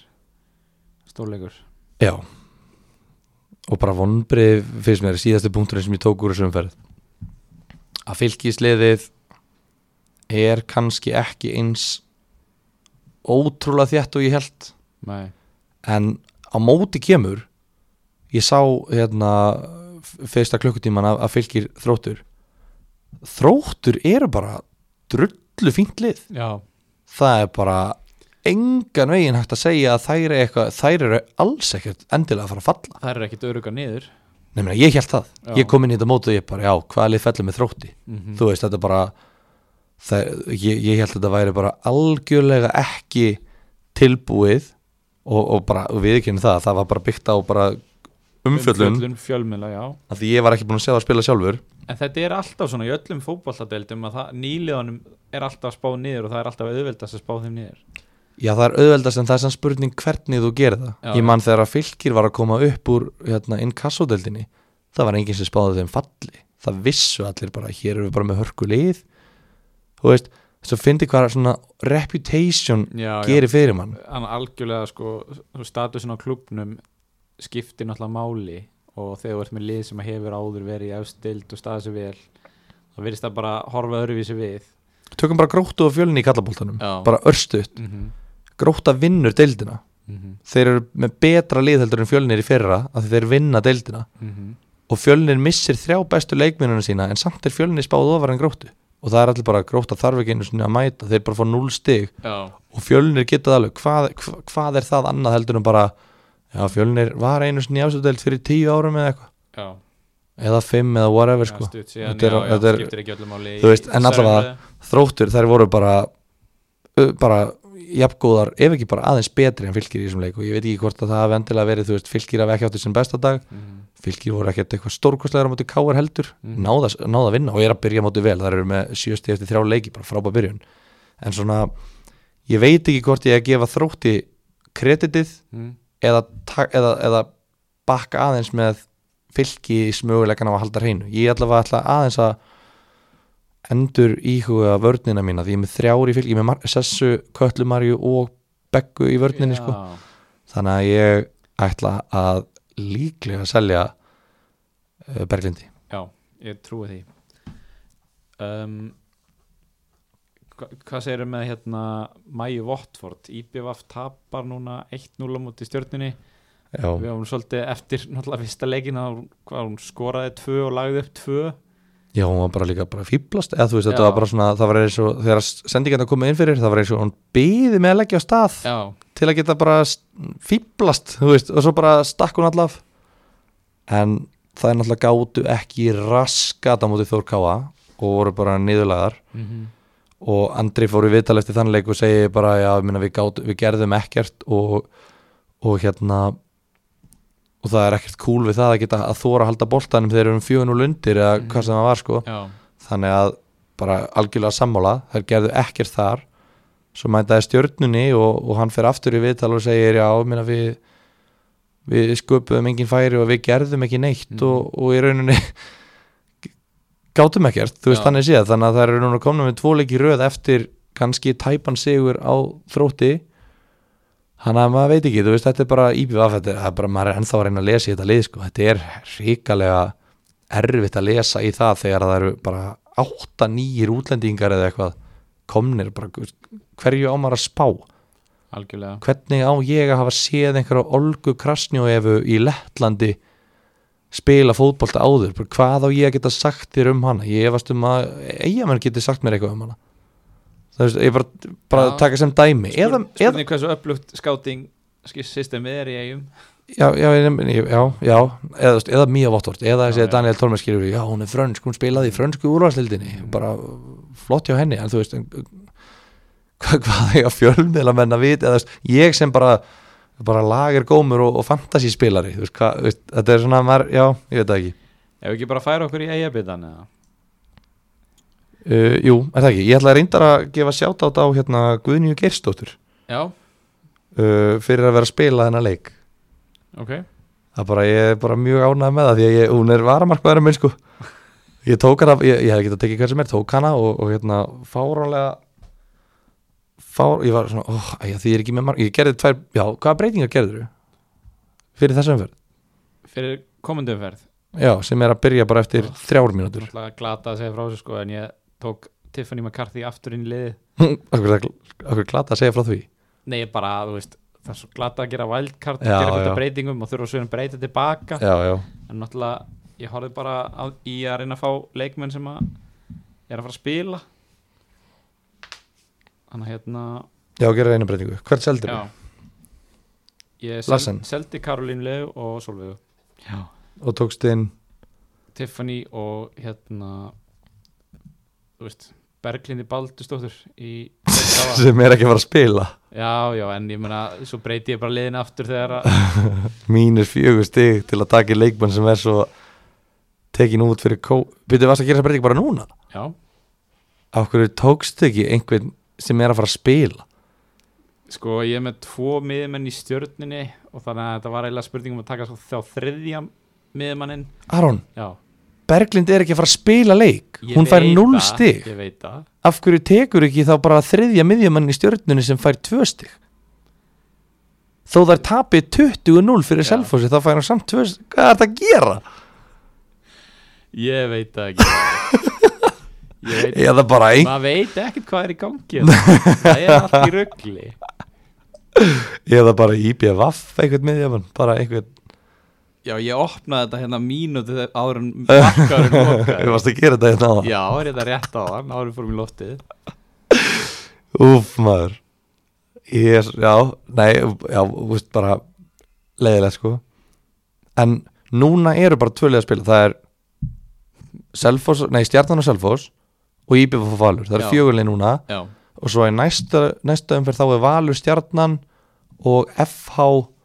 Þróttur ok Þannig að það er náttúrulega pointless að tala um þetta núna út af því að umferðin að búa að loka IBF Valur er að byrja eftir eina mínútu núna já já þannig að þú veist það er óskum lítið þetta að taka út en þú veist það er Valur og Stjarnan sem eru tvö liðin sem að eiga næstu tvo leiki ok þannig að þú veist þeir sem eru að hlusta á þetta núna fyrir næstu umferð þa- þú veist, ég vona að við verum aftur með þá eða, þú veist, ég Mm. veit ekki hvernig næstu þáttur verður en, en það er FH þróttur og, og Valur Stjarnan og þá hljóta, hljóta menn að vera að horfa þannig í, í leikminn frá Val sem ættu að, að fá flest stig myndum að halda já en ég gerði tvær skiptingar á mínu lið og ég tók inn Tiffany já og sem var búin að hérna lækka neyri 7.4 já, sem er bara fagnarefni Mm. svo tók ég sjámingu í stjörnunni já já og ég seldi aftur Rakel Hönnudóttur og Huldu Ósk í Þórkáa ok út af því að þegar þetta djók er búið Mm. þá ætla ég að nota velkartið já já já þess að núna, ég er með nýju leikmenn sem er að spila það er endar alveg drullu vel gert sko þú veist, Guðni í markinu út af því að auður markmaður er náttúrulega á láni frá val þannig að hún má er ekki spila á móti þeim Nei, þú veist, þannig að hún hérna, Guðni tekur þennan leik, svo erum við áslögu bara bara Mm. Sjámika, ég, ég Klara mist í stjórnunni er reyndar ekkert að spila, en þú veist, hún er hérna Hlín, Ástís Karen sem byrjar Elimetta og Tiffany Elimetta fyrirlið, er hún ekki fyrirlið að þeir eitthvað? jú jú það var ekkert annað hægt Ekkert að spyrja að því En ég ætla að nota eins og í næstum, næstum verð, þá ætla ég að kaupa einhvern í þá þrótti eða FH já og svo þegar þetta er komið aftur í gang þá bara nota ég valkartið þannig að þú veist núna ég sel bara Rakel Hönnu ég sel bara Öglumarju já það er ekki að fara að hækki í verði á meðan það er COVID nei nei en hérna en já, ég byrði eigabiti uh, heil umferð sem að kláraðist í gær ó já, og hvernig gekk hjá þér ja, hvernig heldur þú? uh, ef ég ætti að giska Svona í fljótu bragði, ef, ha. ég- ef ég ætti að giska þá myndi ég segja ekki vel ha? mér gekk fáralega vel sko Eða? ert að grína sko, mér gekk vel ég er komin í þriðja sæti í fantabræðdeldinu sko þú ert í öðru já, já, þetta er líka svona í kvennamein, ég er í öðru sæti þar held ég herru, þú hendur í 89 stík ég bara bombaði sem verið, sérðu gulu línundar ekkert smá Það er ekkert hér smá. vil ég dvelja sko já, bara, má ég fara yfir liðið mitt já, því ég get alveg lofaðar því ég mun aldrei aftur fá svona umferð þetta er búið að byrja svo illa og ég er búin að vera svo lítið lími bara, oh, Þú varst með tvo eða þrjá stjórnumenn Hvað varstu með? Uh, Eða varstu bara, varstu bara með heiðar Ægis? Ég var með Hilmar Rána Já, og ég gerði tvær breytingar held ég ég átti eina skiptingu, ég gerði tvær já, ég seldi Sigur Þrannar á, í Ía á 4,5 já, og Hilmar Átna á 12 já eða hvað kostar hann, 12,5 12. Tólf. og ég keifti sem sagt, seldi Já, Hilmar áttu 16,5 á, og ég kaupi Valdimar Þór Ingimundarsson Mhm, á 8 og Brynjól Darra á 8,5 Já, eða Brynjólf Brynjólf Andersen, Andersen, já, já. já, já, flott Brynjólf þannig að já, ég var, þú veist, mér langaði ekki að kaupa Brynjólf, mér rosalega mikið langaði ekki að kaupa hann út af því að hann er ekki búinn að skora neitt mark já, en svo var ég ánaðar að sjá að hann, hann fiskaði þetta vitið þannig að þú veist, af því að hann byrjaði líka á bekknum kom einhver annar sóknum að þetta greina hjá þér? ekki, Kaupa, þú varst náttúrulega með Mikkelsen og Pedersen mér langaði ógeðslega mikið í Stephen Lennon Já, og skal alveg viðkjöna það en bara að því að ég, ég hætti, það var ekki vikingsleikur sem stoppaði mig mm. heldur var það F á stjarnan í næstu umferð já það sem að fellu niður Já, þannig að ég hugsaði djöfullin maður, ég get ekki keift Stephen Lennon mm. og haft hérna, bara láta hann missa af einu leik já, já. ég bara tek hann þá bara í vælkartinu eftir það eða eitthvað því að ég á vælkartinu eftir Mhm. þannig ég, tó, ég hugsaði Valdimar Þór á móti gróttu heima og hann er svo góður í fótbolta Mhm. að það bara næri yngri átt þú veist, þú veist, nei ok, þú veist, hann er bara mjög góður þú veist, Já. hann er bara það er magnað ef hann verður áfram á Íslandi ef hann verður áfram á Íslandi á næsta ári þá var það bara út af því að hann langar það sjálfur Mhm. Uh, þannig að hann fær 16 stig, skora tvö mörk heldur hreinu maðurleiksins alveg klárlega bara geðveikt hann er vara fyrirlið hjá mér, ég er bara sé eftir því að hafa ekki gefa hann um bandið já, út af því að hann bara hérna, deliveraði Ágúst Linsson uh, með tvær stóðsendingar hann skilaði loksins loksins og bara bónus, tvö bónusteg og bara fær nýju stig Já, komin tími til og hérna þú veist, hann er ennþá á hálum ís hjá mér já. ég skal alveg viðkynna það Hann er búin að lækka í 6,9 menn er aðeins að selja hann Já, já, komin, komin niður í 24% sem er samt ennþá alveg Slatti. þó nokkuð mikið Já, sko, já. já, þannig að en, en, en já, hann er ennþá að hálfum hís en þetta var bara gaman að, gaman að hann fekk stig og, Mm. og flott, Sigurður Egil líka fær 6 stig, Já, fær eina stóðsendingu þarna, þú veist, það er sama hann er á hálfum hís líka en búin að skora eitt og leggja upp eitt, þú veist, hvað viltu að fá meira frá manninum já, já, uh, Orri heldur hreinu annar leikin í röð, eða ekki? Jú, jú sem er flott bara, valsararnir bara þéttir ég var svo reyður þegar í að skora þig Já, og svo skoraði Arnbjörki sem þú er með sem ég er með, tók meistarlega inn hérna fyrir hákuleikin Æ, þannig að hérna, nýju stigið tveimur leikjum I'll take that Já. þannig að ég var bara ánað með það Elvar Freyr fekk á sig sitt fyrsta mark og svo held ég traustinu og hér vil ég fá kredit Hmm. hér held ég traustinu og Aronni Snæ fylgismarkmanni Sem varði víti og hjælt reynu varði víti, held reynu, fekk tvö bónustig og hann fær 13 stig þetta bara, þú veist, þetta er það gekk nánast allt upp Axel Sigurðarsson já, hann hefði nú bara hæglega geta skorað í þessum leik og tekið þar af hafi 6 stig frá Arni en Já, já. hann fengið 5 stig sjálfur þannig að það Já. hafði ekki breytt miklu Patrik Pedersen með þrennu, Tómas Fyrirlið með bara 5 stig Tómas Mikkelsen og Brynjólf Dæri 4 89 stig, takk fyrir Sem er heldur vel gert ég, ég mun aldrei fá svona umferð aftur Nei, þetta bara, mér gengur ekki svona vel í eigabitadeldinni þannig að ég ætla, sorry hvað þetta var lengi ég bara varð að fá aðeins að njóta þess já, bara skiljanlega Þetta er náttúrulega fyrstu tvær umferðnar voru ekkert spes nei, ef ég mann rétt og sérstaklega ekki síðast umferð og þannig að um, þegar við fáum svona góður umferð þá er um að gera að njóta þess og fara svolítið vel yfir þetta ég meina ég hoppaði úr sko, ég var í sæti 1155 á landinu mm og ég er komin upp í sæti 47 Svo sér það, þúsund sæti ég bara þannig að þú veist þetta er allt í en, en sko, Mm. hvernig stendur á því mm. að ég er í þriðja sæti í fantabræðdildinni Mm. í nemiðdelt fantabræða Já. og fyrtust að sjöunda í allir spilarar Ertu að meina hvernig getur það verið að svona fáir séu í já, eða þú veist, ekki kannski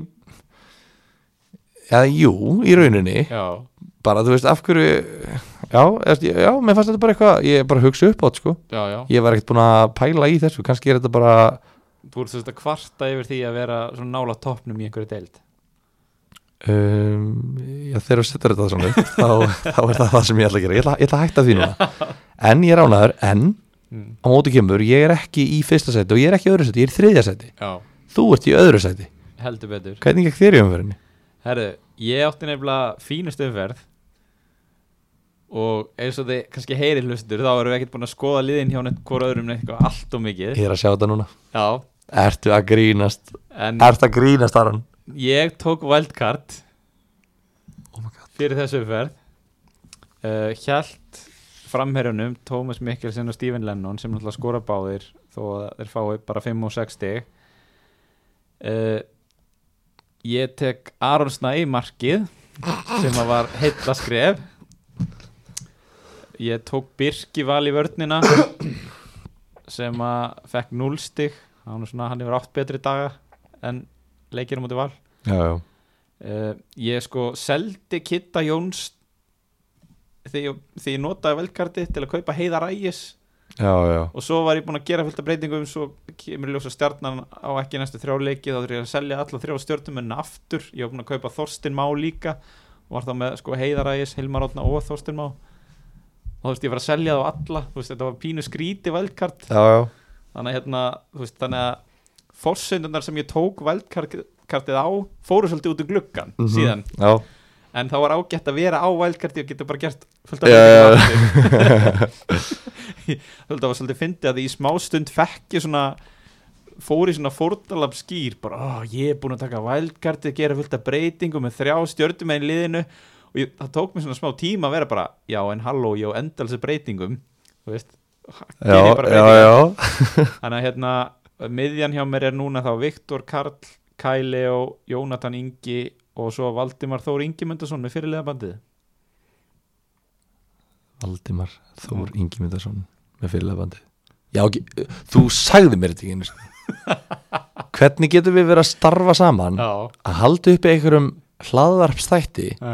og þú segir mér ekki einu sinni að þú sért með Valdimar Þór Ingi Myndarsson sem fyrirliða í vælkartliði Mm. og Aron Snæði í markinu það er bara stundum þarf maður bara að halda spilunum þetta að sér. að ég get ekki skoða liðið þetta á meðan deildin er í gangi ég get ekki farið eitthvað Já, já, já. Því það bara kemur bara markaðurinn er loka Já, Ég get já, ekki já. skoða liðin hjá öðrum fyrir en að það umfyrir er búin Já, ég, Mér finnst sko Ég myndi líða svikin En ég er með að báða í liðinu já, En mér er þetta bara svo að Því að bara Já, við vorum hérna Þú varst ekkert á Aronsraklinum í byrjun Nei, nei, ég var með hákon í markinu og svo síndi það nú sig í- í fyrstu tveimu leikjunum að það væri kannski ekki alveg málið. Nei Hann gefur hann heimskulegt víti Já. Var alveg brjálar sem hefði mögulega getur verið dæmt víti sko fyrr í, í þeirri sók Já, fyrir hendi eða eitthvað sem að enginn sá held í almennlega já, en Já, þetta, þeir- þetta blæsaðist heldur betur ég fekk 84 stig og einmitt rauk upp um einhver sko 600 sæti eða eitthvað ég Já, held ég já. sé núna nummer 29 á landinu og sko Og Aron Elís er ekki í Fyrsta sæti já,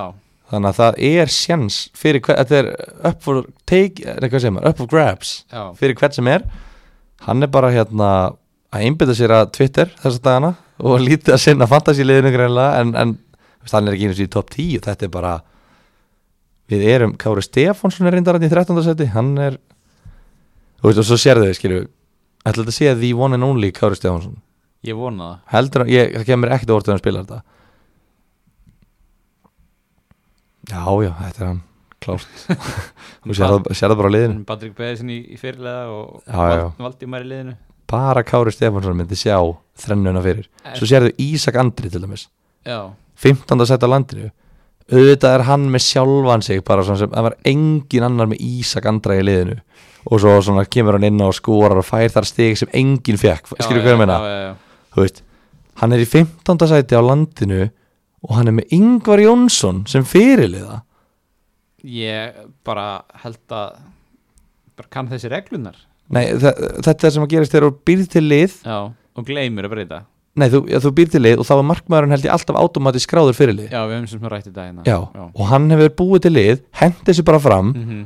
já, ég sett sjálf að mig í liðið, já, þú veist, ég Rúnar er búinn að segja að hann sjáu fyrir sér og ég spila ykkur um mínútur já, kemur svo bara inn á og skor, þú veist, þetta er bara svona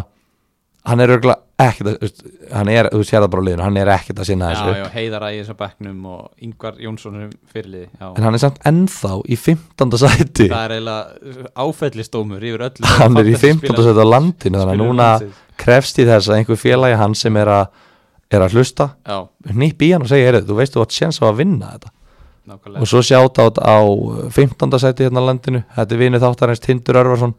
sem að kom hérna í Fantasí eftirminnilega, eftirminnilega skilaði stjórnu framistu í þætti hérna fyrir í vetur já, í enska boltanum tók nætuvaktina með tók þér. nætu vetturinn með mér og hérna og hann er að sína að hann er ekki bara hæfileikar ykkur þegar kemur að því að velja Mason Mount í enska liðið sitt hann er Nei. góður að velja hérna, íslenska líka, valið sport þannig að flottur Já. En sko, það sem ég finnst eiginlega ótrúlegast við þessu umferð, allavega fyrir mig, er að ég fæ 84 stig, það eru tveir af fjórum svona stærstu frammerjanum í deildinni sem er skora þrennu og ég er með kvóra. mm Veist. Það er, bara, það er meira að minna þessi tveir fylgisleikmenn sem er að delivera þessu fyrir mig. Valdimar sem fyrirliði og Aron í markinu. Já, náttúrulega nærð fyrirlega böndu Ég held að Já. hafi enginn haft Óttar Magnús sem fyrirlega Nei. og, fáir Patrik Pedersen Já, sem er ekki búin að skora eitt mark á tímabilinu fyrir þennan leik já, og kannski frekar það að hann var á leiðinni inn í kór. Já, og það Já, maður er Og- ekkit endilega að setja fyrirlefandi á menn sem er að fara þú veist, spila á móti háká inn í kórnum Nei, nei, og ekki þegar að HK er nýbúið að vinna KR 3-0 sko. Emmett, Þú veist, á meðan að Tómas Mikkelsen er að spila á heimavelli á móti fjölni já, á bara blötu gerfugrassi og bara, þú veist, að, að bara, það, var, það var ekkert sem bendi til þess Mér finnst eiginlega eiginlega galið að velja ekki Tómas Mikkelsen sem fyrirlega Já, Þú veist, bara mín persónulega skoðun sko. en, Algjörlega. en hérna, mér fannst ég, mér- eins og með mig mér fannst ég ekki hafa val nei, Valdimar er vara fyrir liðið minn, mér Já, langaði að hafa hann en mér fannst ég ekki hafa val um nei það en með hennan, bara svo við klárum fylgisleikin hann er ekkit eð, hann, er, hann er svo þú veist, þetta er valjú á 8 miljónir, af því að hann er vítaskiptan í liðinu all, hann er komin á 8,1 hann er búin að hækka, mm. fjölnir og káa í næstu tveimilegjum allt sem að gerist í sóknarleik fylgis er byggt á honum Það er al algjörlega þannig hann er bara, hann er hann í hólunni og hann er bara þú veist, ég var að tala um þetta við nokkra stráka í, í gær með hraða leikmanna Já, þú veist, hvaða leikmaður 20 ára, hvað 20 leikmaður eða 20 til 23 ára leikmaður er ekki hraður sem er svona skilur, þú myndir segja að Ágúst Lindsson væri hraður, þú myndir Já. Mm. segja að Viktor, nei, en Örvar Eggerts væri hraður þú myndir segja að Örgla Erlingur Ragnarsson þú myndir örgla segja að allir þessi leikmaður eru hraðir já, en ég, ég er búin að sjá svo marga leikmenn sem er eitthvað þessi hann er ógeðislega hraður fljótur, já já, er það, er, er, pyrrar það að ég sé að segja hraður Nei, nei, bara Fljótur. segja það sem þú vilt. hann er ógeðislega fljótur að Já, hlaupa Já, og ég sé það aldrei á vellinum þeir, kannski- já já, þú veist, frábært að þú náir flottu mælingum hérna að hlaupa 40 myndar sprett í beinni línu Mhm. en sínd, þú veist, það er ekki það sem það snýst, það snýst um að þú getur hlaupið með bolta framhjá Já. varnamanni nákvæmlega og þú, þú, þú mátt gera það hægt, þú mátt gera hratt þú þarf bara að komast fram hjá honum og eins og hann sýnir í öðru markinu Já, sem er bara, bara ótrúlega lillelt hjá Óskari hérna, sem að kom ekki sterkur inn á í grótu og hann kemur hérna og les sendinguna og svo er hann bara einn á móti fjórum hann að vörð skilju og Já, hann já. þarf bara að hlaupa fram hjá hann það, þetta, það, þetta er ekkit flóki við þetta þetta er engin skæri eða sítastunningar eða eitthvað snullur, þetta er bara hei, ég ætla að sparka hann í þess átt og hlaupa í þess átt fara fram hjá þér og skora bara, þú veist, þetta, var bara svo, þetta er svo vel gert mm þannig að ég bara ef það er eitthvað valjú í fylki þá er það Valdimar Þór Ingimundarsson ef það er eitthvað valjú í gróttu það er ekkert valjú í gróttu ég held að það sé bara okkar take eftir þess að fyrstu þrjá leiki það er bara, við erum þú veist, búin að reyna allt svolítið Ég meina, ég, ég var með þrjá gróttumenn og hérna og ég veit ekki hvað þú ert með marga en það er bara einhvern veginn ég er með þrjá verðist vera að þetta bara skila sér ekki Nei, eða, þú veist, jú, okay, ef það er eitthvað valjú auðvelt að segja þegar þeir tapa öllum leikjum og skor ekki mörg sko. já, en þeir hefðu kl- geta skorað á móti fylki mm. það var, þú veist, þeir fengu nokkur færi þarna en við erum náttúrulega að ljúga um þegar við segjum að það sé þú veist, ef, þú veist, ef það er eitthvað valjú í gróttu þá er það náttúrulega Axel Sig já, já, hann kom sér þarna einu sinni í færi en þú veist, hinn er leikmennir Kristoffer, ég sá hann ekki í hólunni uh, Axel Freyr á hægri kantinum hann bara er ekki klára á þetta level Nei. Pétur frammi, hann er ekki klára á þetta level þú veist, það eru bara hini leikvinnir eru bara ekki klára á þetta level og Mm. Axel gæti kannski alveg plumma sig í miðlungsliði og þú myndir kannski ekki eitthvað setja neitt rosalegar aðtöðasemdir Mhm. en í þessu grótulegi þá er svo auðvöld að setja svona sleggjudóma á alla út af því að þú veist, þú þarft að vera svo rosalega góður til þess að geta gert eitthvað í gróttu út af því að það eru svo margir leikmenn sem eru bara ekki tilbúinir í þetta Já. en eins og, já, ég ég veit það ekki, þú veist en maður er að fara að kaupa bara alltaf leikmenn sem er að keppa móti gróttu bara nú að háka á gróttu næst erum við bara að fara að kaupa hákaðinga og svo bara, ég, þú veist, ég held að vera ekkert vittlust allavega að horfa til þess að hugsa það í hvert eina skipti að setja fyrirliðabandi á leikmanna móti gróttu já það er bara pæling sem við bara þurfum svolítið að adressa mm og hérna taka eh, svona til að fylla upp í vældkartið þá náttúrulega stóðst ég ekki mátið en að taka ditta í markinu í HK sem varamarkmann já, já og, og Jonna Bardal sem lendi svo reyndar í sókví mm en hérna ég ákvað frekar að eiga pening í bankanum en að fara að skipta honum út fyrir einhvern annan framverja já, já, af því að ég meina eftir að þetta mál kemur upp með stjórnuna þá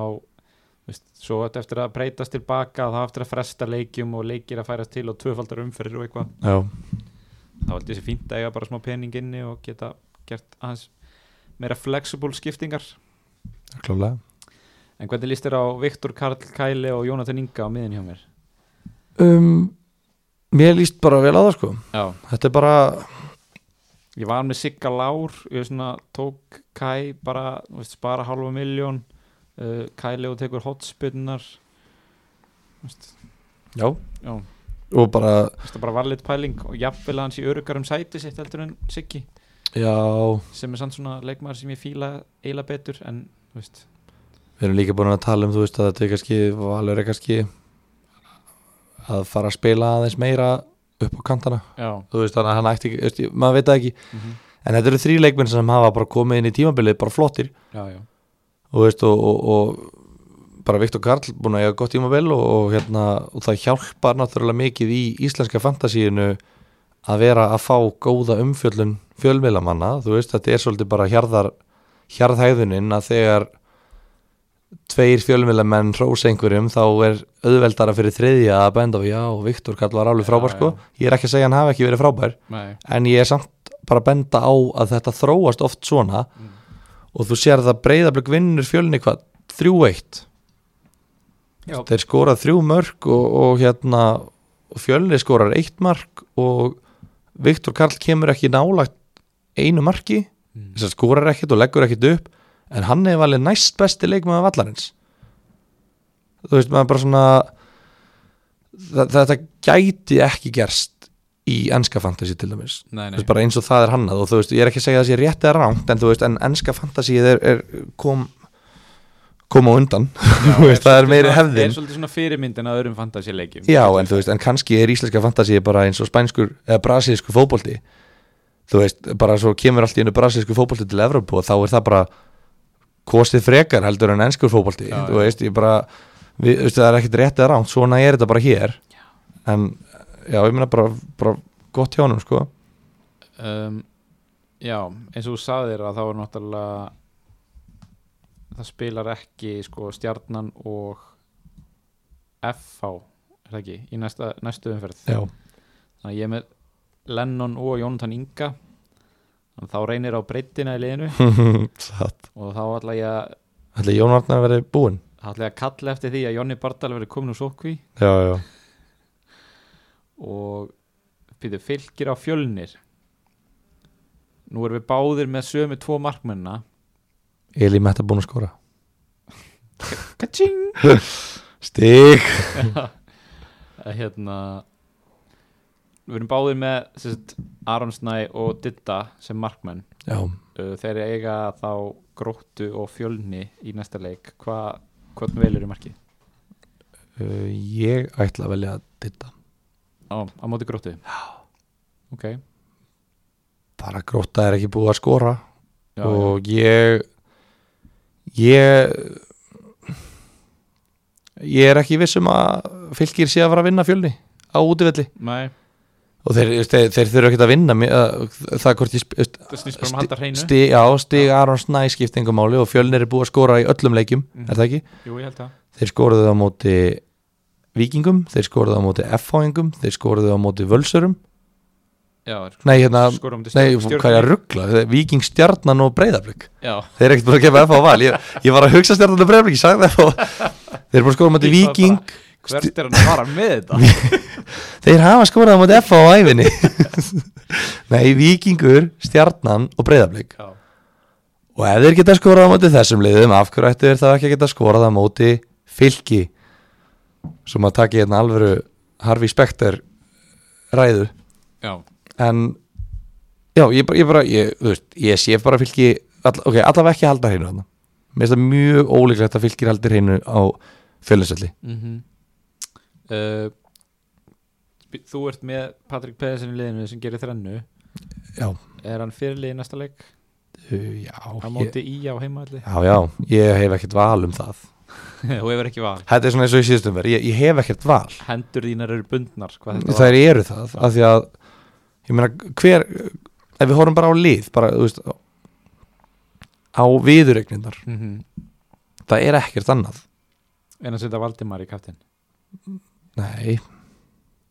Jú, nei, þú veist það er alveg sjátt Já, já en ég get ekki tekið það fram með Patrik Pedersen sem skoraði þrenn, Va- Valdimar skoraði bara tvö og eitt er á víti sem að var heimskulegt hjá, hjá Hákunni Markmanni Já, já, þú veist, Patrik Pedersen fekk fleiri stig Mhm. heldur en Valdimar og hann er betri leikmaður í betra liði og hérna á heimavalli þannig að nei, ég, ég verða að taka Patrik Pedersen en þú? um, Ég held Sko, þetta er erfitt um, Ég er ekki að fara að setja Kyle og í kaftin Captain Kai Já, andla, þú veist Lennon og Jónatan Ingi verð ekki með Ég er samt ekki að fara að selja þá þú veist, Það er það sem er vond í þessu Ég er einhvern veginn ekki að fara að selja hann okkur nera Þannig að ég veit ekki þú veist, Tómas Mikkelsen mér finnst hann, það er alltaf bara svona þægilegt Hann hérna, er búin að skora í öllum umferðunum ekki mútið fylki Nei, ekki mútið fylki eða hann skoraði, hann en bara talt ekki það taldi ekki En hérna ég hef ekkert, veginn- ekkert endilega trúið að breyðarblik sé eitthvað að fara að valta yfir káa í nei, kartöflugörunum fyrir norðan Nei. en svona þetta, finnst þetta erfið, erfitt fyrirlega var þessu umferðina jafnvel að halda þið bara á Valdimar bara að þakka tröstið sko já, við sáum líka bara hvað það er sko, hvað það er gott að vera með vítaskittu liðana já, í liðinu sínu já, þú veist, bara eins og Tómas Mikkelsen þú veist, ekki búin að skora en svo kemur bara þetta víti og það er bara gefinsmark Stephen Lennon, hann fær bara þetta víti og það er bara gefinsmark Mm. Valdimar Þór fær bara þetta víti og það, mm. veist, þetta eru svo góð, þú, þú fær 15 stig út á vítaspinnur eða, nei, 13 já, 13, af því sóknarmenninni fá bara fjögur já, já, Eða Þú, ert að fá- þú fær 13 stig fyrir vítaskiptunar í liðinu þínu. Þetta er bara geðveikt þetta er geggja Pálmi Rapp fær víti sem hann reyndar klúðrar uh, Já. Fjölnir fær víti Jóhann Átni fær víti sem hann klúðrar Svo fær Jón Gísli Ström víti sem hann skórar úr En þú veist, ég held, sem- myndi halda að Jóhann Átni síðan þá vítaskipta hann já, ég myndi halda það En bara mikið af vítaspirnum Dóngeslan bara eins og hún er Þú veist, og, en, en, en það er faktor í þessu og við verðum að taka það með reikningi með í reikningi innan við gætum alveg séð núna þú veist, ég meina ég ég get alveg trú að því að það séu einhverju póstar eh, gangandi núna á dómarana eða einhvers konar skilabóð bara heyrðu hérna nú, eða einhvers konar neyðarfundur bara núna þurfum við að rífa okkur aðeins í gangi hérna og, og, og menn bara hætti núna að dæma viti Já, og já. veist, við getum líka alveg séð það ég veit ekki hvort við séum að fara að sjá mikið af softvítum núna í næstu umferð sko. næ, ég er að segja það sko eftir þetta víti hjá KR og IA sem að bara það er einhver skrítnæsti vítaspilnum tómur sem ég hef séð já, þú veist það bara þetta er bara fyndið sko Já, ég er allavega fegin að ég var ekki að texta lýsa þeim leika því að það, ég hef ekki vitað á hvað var verið að dæma sko. Nei, þetta var, þetta, þetta, þú veist ég ætla ekki að fara hérna að tala um að þú veist, einhver,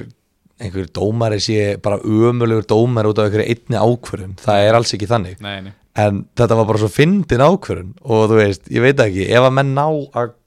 kúpla sig aðeins út úr sjálfum sér Mhm. horfa svona frá þetta utanfrá já,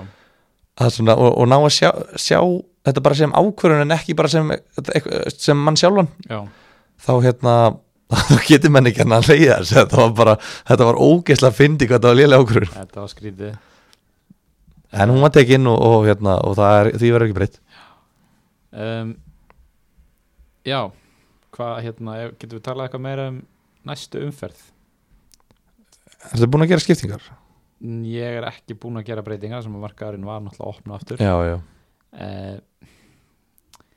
ég veit ekki mér, ég er náttúrulega nýbúin að taka vældkart þannig að það væri sem, bara sem betur fer þá átti ég góða umferð og það væri náttúrulega skrítið að vilja gera breytingar af, strax eftir vældkartið mm þá varst eitthvað að gera eitthvað ekki rétt Já, en ég, fúst, ég bara er að stilla upp í svona solid 4-4-2 núna, ég veit nákvæmlega byrjunliðið mitt, fúst, það er ekki mikið sem ég þarf að velta fyrir mér varandi bekkinu eða annað nei þannig að ég, nei, ég held að ég geri bara enga breytingar og sapni bara reynir bara að sapna ein, einni frýri skiptingu í bankan Já. en þú? um, Ég veit það ekki sko Ég ætla að finna hérna bara liðið og sjá bara svart og hvítu hvernig þetta lítur út í fljótu bræði Þú veist, mér finnst alveg um að Axel sig er að spila múti gróttu heima, þú veist, þetta er nei, múti háka heima Mm. Ef ég var að taka hann í liðið mitt á annað borð af hverju ætti ég þá ekki að leifa honum að spila á móti háka heima já, nákvæmlega þannig að það er mér sýnist ég ekki þurfa að gera neina breytingar sko ekki eftir svona umferð líka þú veist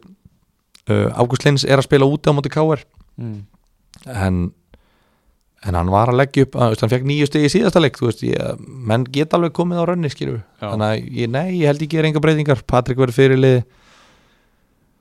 og ég geri ég býða aðeins bara, le- þú veist, þá kannski get ég gert eitthvað breytingar tilbaka og geti tekið Hilmar átna aftur inn í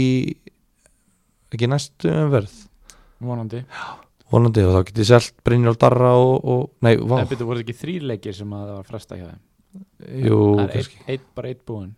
já, en þá get ég allavega sendt Bryn- Brynjólf og hérna Sigur Egil eða eitthvað sem Já. eru svona, mér langar ekki að vera lengi með þessa leikmann í, í liðinu mínu Nei. með, með fötuleg veringu náttúrulega hvað sérum við Kitta Steindors? ég fór að pæla í því, já, ég fór að hugsa bara er hann ekki ennþá 6-5 eða? jú, ætlaði ekki ég fór bara að pæla í alvörun í því ég gæri bara þarf maður, þarf ég er, veist, er, er, er hann í alvörunni að neyða mig til að- að taka þessu ákvörðin Hug- já, þú veist, ertu í alvörun að láta mig pæla í þér, þú veist heldur að ég hafa ekki nóg við tíma minn að gera að pæla, heldur að þurfa að pæla í kristni steindur sinni á 6,5 Já. þú veist, við lóum að þessu fyrir tímabil ég, ég samt var alltaf með þetta svona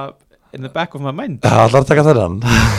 Já, ég, við getum að leita tilbaka og fundið þetta sko en hérna ég held allavega að ég hefði varpað þessu fram hérna þegar við byrjuðum já, en þú veist, ég segi bara sama og með til dæmis uh, þú veist, sama og við vorum að pæla með kannski Pétur Theodor og Helga Guðjóns kannski sérstaklega um Mhm. daginn Þú veist, þetta er þriðji strækar þú veist, þú ert ekki að treysta á kannski Óttar Magnús og svo Kittas nummer tvö þú veist, já, hann þú er, þarft að já, vera með kannski Patrick Pedersen Stephen Lennon og svo Kitta sem þriðja strækar ef þú ætlar að vera með hann já, en þetta er bara byrjunarleis leikmaður já, já,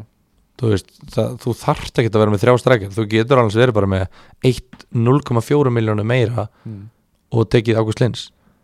já, já, eða jafnmiklum pening og tekið hérna, hvað, kost, hvað heitir hann hérna, Áskil Martins já. eða eitthvað skil, ég bara, ég Já, bara já, þú veist, já, já. að- að- ég er bara að segja ef að fólk ætlar að kaupa hann já, þá er það ekki sem, þú veist, strækar nummer tvö Nei, já, Eða nei, nei, eitt, nei, nei, skilur, nei, nei, það nei. er alltaf strækar nummer þrjú algjörlega og, og þetta er svona, þú veist, hann er á góðu rönni, mér varst það ótrúlega fallegt að hann fekk tækifæri í byrjunarliðinu já, já, þú veist, maður er farin að tala um hann, það, það, það er alltaf svo þú veist, hvað, hvað, ég, meðvirkni er það eitthvað gott orðið með já þetta það er allir ég svo, held það alveg. það er allir svo, það halda allir svo mikið með honum að því hann er Já. búin að ströggla svo mikið síðan að koma tilbaka og Já. það vilja virkilega allir, ég held að fjölnismenn hafi bara ég held að markmann hafi bara verið ánað með að fá þetta sem ásættu mark, skilur við bara, bara já, þetta var allavega kitti segi það nú kannski ekki en ég skil pælinguna þannig að sko, Ég verði hennar brandara Já, nei, ég er að segja, skilur, mér fannst svo fallegt að sjá hana í byrjunarliðinu það, Já. en við, já, við tölum um eins og þetta sé bara einhver nýræður kall sem á bara ekkert erindi í þess að deild þetta er bara svona eins og svona sonur þjóðarinnar svona, já, æ, leifum honum að vera með hann, Já, hérna, já. hann, hann á enga vin eða skilur, þú veist, Já, já það bara þú veist, hann, hann er bara að sokka mann sem er geðvikt, ég, ég elska það og kannski er þetta bara, ég meina, þú veist kannski er þetta bara 9 miljón krónar Kristinn Steindorsson sem er að fara að spila fyrir breyðarblik í sumar Já, ég meina, það er ekkert auðvelt að taka hann úr liðinu núna en hann er búin að skora fjögum örk það sem hafa verið ég meina hvað kostaði hann 8-5 eða 9 þegar hann kom í FH fyrst Já, ég held það ég meina af hverju var hann versatið þá út af því að hann var yfirbara maður þegar hann fór mm núna er hann versatið á 6,5 af því að hann var ekki yfirbara maður síðast Já, þú talar um það hérna fyrir stuttu að það ætlar að taka Gísla Eyjálsson sem Já. skoraði, skoraði núna Hva? hvað nefndi ég það, Já. þegar hann skorar og er maður leiksins hva, hérna, það er aldrei svo óvænt að ég hafi þegar hann fekk 10 stig hvað hérna, hva, hva varðum það hjá þær? Hvað, ég er bara hvað datt upp fyrir? um, sótt kví hjá stjórnunni Já, það var svona það helsta var engin pæling að, ég veit ekki, skipta, þú veist, í stæðin fyrir að taka Brynjólf, að taka kannski Gísla í stæðin fyrir Sigga Lár eða eitthvað. Þú veist, mm, Axel nei Sigurðar eða eitthvað, þú veist, aðeins að breyta til á miðinni frekar og spila bara tveim streikurum. Nei, að því að þá hefði ég þurft að sko